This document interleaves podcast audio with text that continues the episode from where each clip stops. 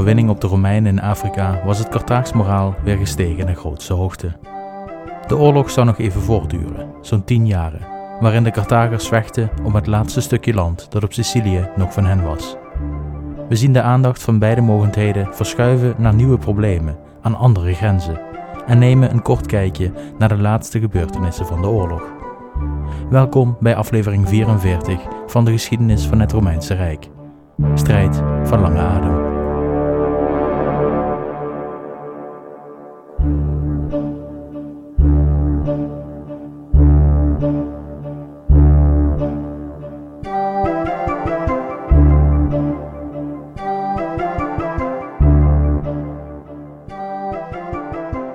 Op het strand nabij de Noord-Afrikaanse stad Aspis waren 2000 Romeinse overlevenden verzameld, tezamen met 40 achtergebleven schepen.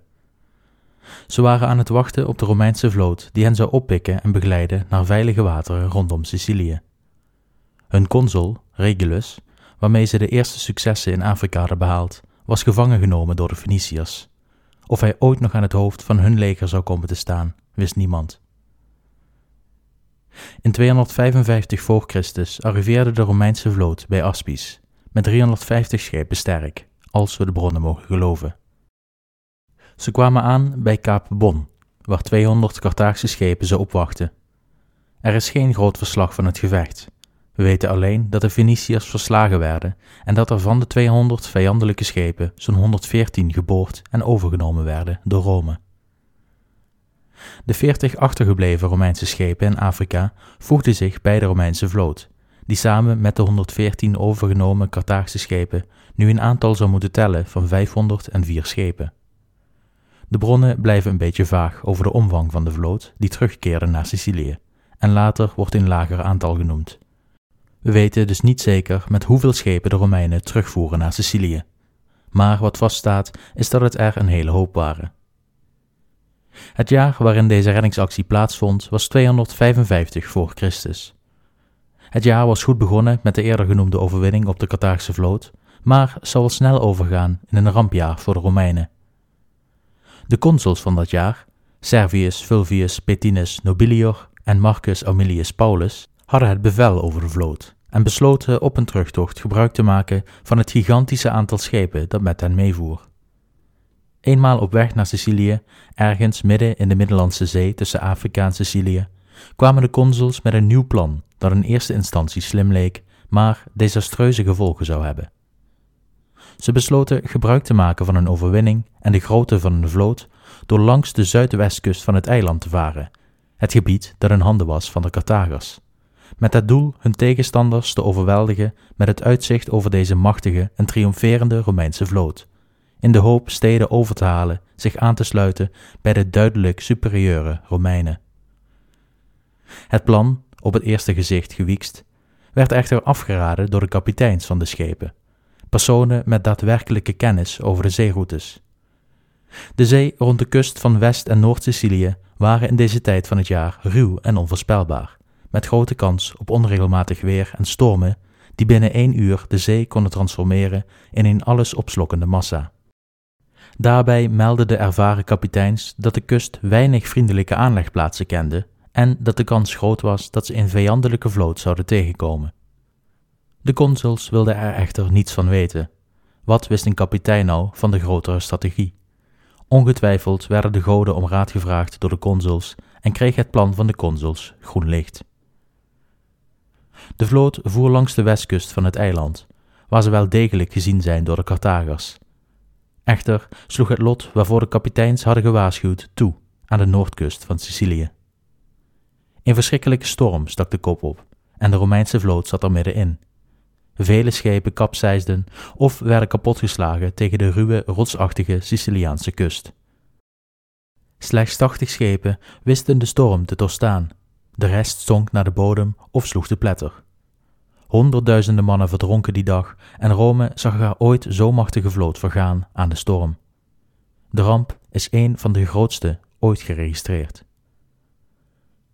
Wat er nu precies voor zorgde dat zoveel schepen verloren raakten, is niet helemaal duidelijk. Het kan aan de kracht van de storm gelegen hebben, maar net zo goed aan de Corvus. Na de slag bij Ecnomus wordt namelijk geen melding meer gemaakt van het gebruik van de Corvus. De Romeinen bouwen uiteindelijk een nieuwe vloot en daarna nog een nieuwe, maar de Corvus wordt niet meer gemonteerd. Het zou zomaar kunnen dat het gewicht van het apparaat een rol heeft gespeeld in het kapseizen van de boten. Het gewicht van het apparaat zat namelijk aan het eind, dat ver boven de boeg van het schip hing tijdens het varen. Met het gewicht zo hoog boven de boeg zou het apparaat makkelijk voor schommelingen kunnen zorgen bij een behoorlijke wind. De consuls krijgen ook niet de schuld van het in de wind slaan van de adviezen van de kapiteins. Sterker nog, ze krijgen beide een triomftocht in Rome voor een maritieme succes bij de redding van de soldaten van de Noord-Afrikaanse kust en het verslaan van de Feniciërs op zee. Het zou kunnen dat duidelijk was dat niemand deze ramp had kunnen voorkomen, doordat de Corvus een nog niet ontdekt nadeel met zich meebracht aan boord van de schepen. Dit is allemaal echter speculatie. De Corvus verdwijnt namelijk volledig uit de bronnen en niemand geeft een reden voor het hoge aantal slachtoffers van die dag, anders dan het feit dat er een storm was. In 254 voor Christus bouwde Rome een nieuwe vloot van 220 schepen, zoals gezegd schijnbaar zonder Corvus. Er werden twee nieuwe consuls aangesteld. Niet zomaar twee, maar consuls die reeds eerder het ambt bekleed hadden en binnen Rome een goede naam hadden. Althans, goede naam. De een was Gnaeus Cornelius Scipio Asina, de consul die gevangen was genomen bij de Lipari-eilanden, ook wel bekend als Scipio de ezel. De ander was Aulus Attilius Calatinus, die ook al consul was geweest in 258 voor Christus. Zoals in een eerdere aflevering gezegd, had Scipio niet veel last van zijn cognomen en stond het zijn carrière niet in de weg. Hij werd nog steeds gezien als goede bevelhebber. Zijn bijnaam lijkt slechts een knipoog naar dat ene ongelukkige foutje van toen. Er was Rome alles aan gelegen om de zeeramp van het jaar eerder te overbloemen met successen in het volgende jaar. De twee consuls voeren van Rome naar Messana, waar ze de tachtig overgebleven schepen toevoegden aan hun vloot, en voeren vervolgens naar Panormus, de enige grote stad aan de noordkust van het Siciliaanse eiland dat nog in handen was van de Carthagers. Hier belegerden ze de stad zowel van zee als van land. De verdedigingswerken werden met behulp van de vloot vernietigd en de stad werd veroverd. De vloot voer het volgende jaar opnieuw voor de kusten van Noord-Afrika, waar ze een roofcampagne uitvoerden. De uiteindelijke buit was laag. Nadat de kusten waren beroofd van kostbaarheden, trokken de Romeinen terug, maar liepen door een onverwacht lage waterstand vast in de zeebodem nabij het eiland Menix, hedendaags Djerba, aan de zuidelijke kust van Tunesië. Hier wachtte de vloot een vijandelijk territorium tot de zeespiegel weer steeg, zodat de boten weer los zouden komen van de bodem. Het water steeg, maar de boten bleken te zwaar geladen met alle buit van de Afrikaanse kusten. De Romeinen hadden geen andere keus al het overtollige gewicht overboord te gooien, zodat de boten los zouden komen. Het merendeel van de oorlogsbuit werd de zee ingegooid en de vloot kon terugkeren naar Italië. De tocht, ondanks in eerste instantie succesvol, bleek de moeite niet waard te zijn geweest. Niet dat het iets uitmaakte dat de buit overboord was gegooid, want bij terugkomst in de Italiaanse wateren kwam ook deze vloot terecht in een grote storm. De gevolgen waren ditmaal niet zo desastreus als tijdens de vorige storm, wellicht door het ontbreken van de Corvus. Maar alsnog verloren de Romeinen 150 schepen aan de storm. Ook deze campagne eindigde in een ramp. Dit verlies van de tweede nieuwe vloot liet de Romeinen met een nagesmaak achter. De campagne op Sicilië verliep niet naar behoren en op zee hadden de Romeinen al tweemaal een gloednieuwe vloot verloren, niet aan de vijand, maar aan de goden. Door de grote verliezen aan schepen en de moeizame oorlog in Sicilië leek de onuitputbare schatkist en mankracht van de Romeinen toch behoorlijk leeg te raken. Er werd daarom in de volgende jaren maar weinig gevochten in en rond Sicilië. Een jaar later, in 252 voor Christus, deden de Romeinen nog één poging met hun beperkte vloot om Lilybaeum aan te vallen via de zuidkust. Ze veroverden hierbij enkele steden aan de kust maar Lilybaeum bleek voor nu onneembaar. De aanval mislukte. In datzelfde jaar werden wel de Lipari-eilanden eindelijk veroverd op de Carthagers en ook daarmee de stad aan de noordkust waar de Romeinen eerder tegen waren gehouden, werd eindelijk veroverd. De Carthagers zaten nu echt vast op het westelijke puntje van het eiland, met alleen nog Lilybaeum, de Fenicische hoofdstad van het eiland, en een havenstad, Drepana, in handen van de Carthagers. Na dit alles verloren beide machten even de aandacht voor het eiland.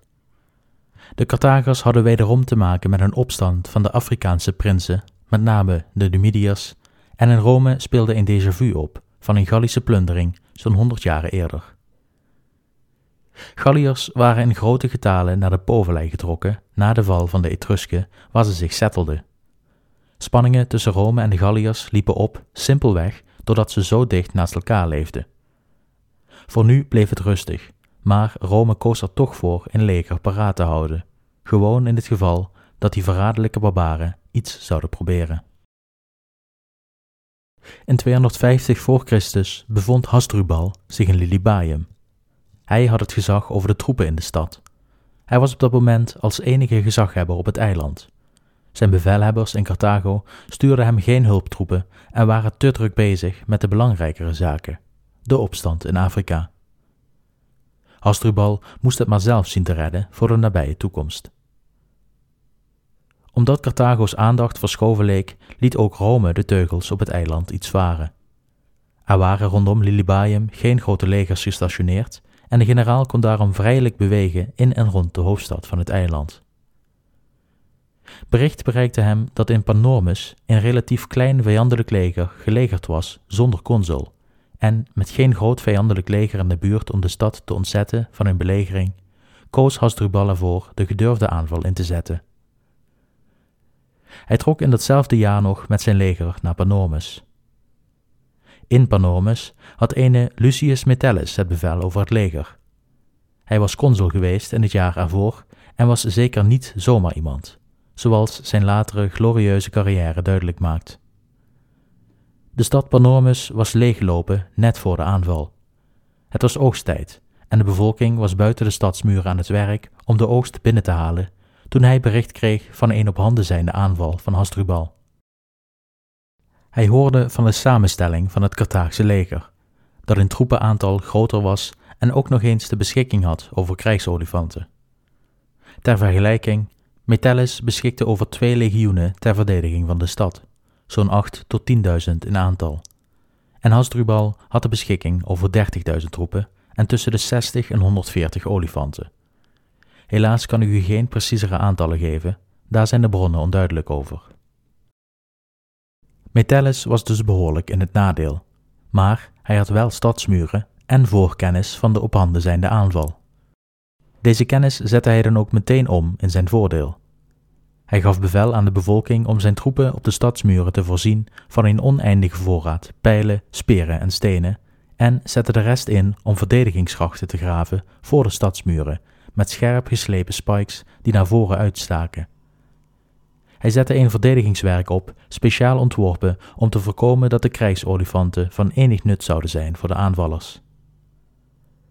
Hasdrubal kwam aan bij de stad. De aanval was risicovol. Eerst moest zijn leger door een rivier om bij de verdedigingswerken te komen, wat zowel de weg naar de stad bemoeilijkte, maar ook een eventuele terugtrekking zou bemoeilijken.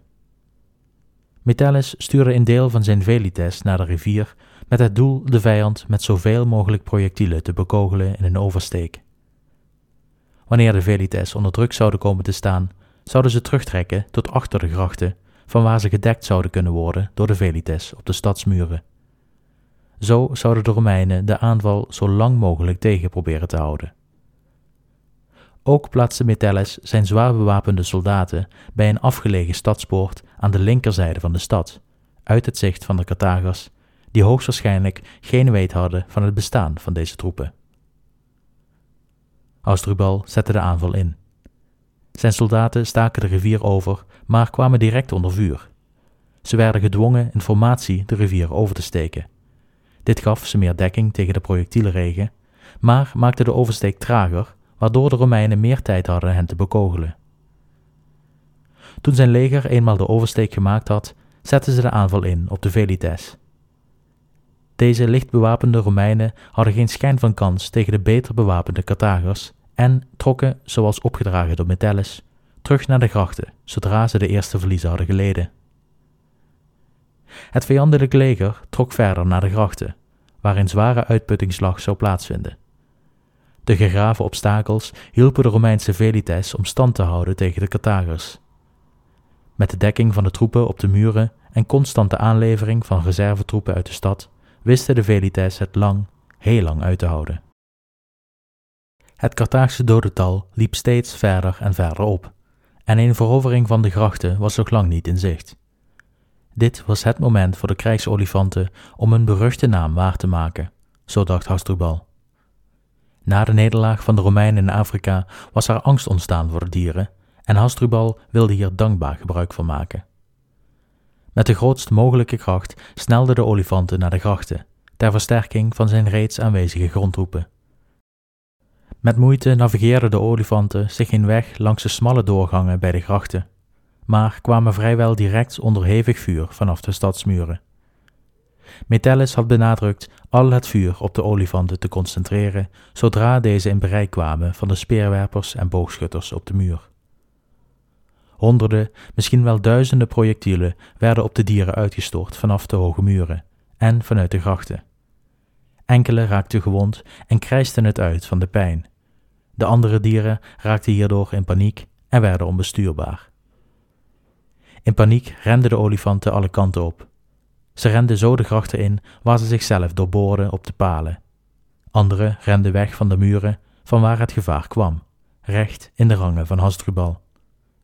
Wederom hadden de olifanten een groot effect op het verloop van de slag, maar ditmaal niet voor de Carthagers.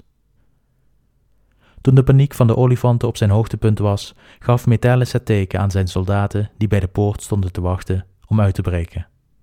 De zwaar bewapende Romeinen stormden via de linkerzijde van het slagveld om in de flanken van de reeds in chaos vervallen Carthagers terecht te komen. Met alles in hun pad vernietigende olifanten in het midden en duizenden Romeinse soldaten aan hun flank vervloog het moraal van het Carthaagse leger. Het brak en trok massaal terug. De rivier die ze eerder waren overgestoken was goud waard voor de Romeinen. De terugtrekking werd zeer bemoeilijkt en met de Romeinen in de achtervolging werden duizenden Carthagers gedood op een vlucht. Hoeveel precies weten we helaas niet, maar het was een beslissende overwinning voor de Romeinen. Het was de laatste grote veldslag van de oorlog. De Carthagers waren volledig verslagen, maar vooral de krijgsolifanten hadden zwaar te verduren gehad. Tientallen olifanten werden na de slag in beslag genomen door de Romeinen. De gevangen genomen bestuurders kregen een keuze voorgelegd. Jullie mogen Panomus levend verlaten als jullie ons leren de olifanten in het gereel te houden. De bestuurders droegen hun kennis over en vertrokken. En Metellus liet de olifanten vervoeren naar Rome als teken van zijn overwinning. Hij kreeg een triomftocht door Rome voor zijn grootste overwinning bij Panomus en de olifanten werden, waarschijnlijk tijdens spelen en andere religieuze rituelen, geofferd aan de goden. De gewonnen slag bij Panomus liet het vertrouwen in een succesvol einde van de oorlog toenemen in Rome. De druk op Lilybaeum werd hierna door Rome opgevoerd.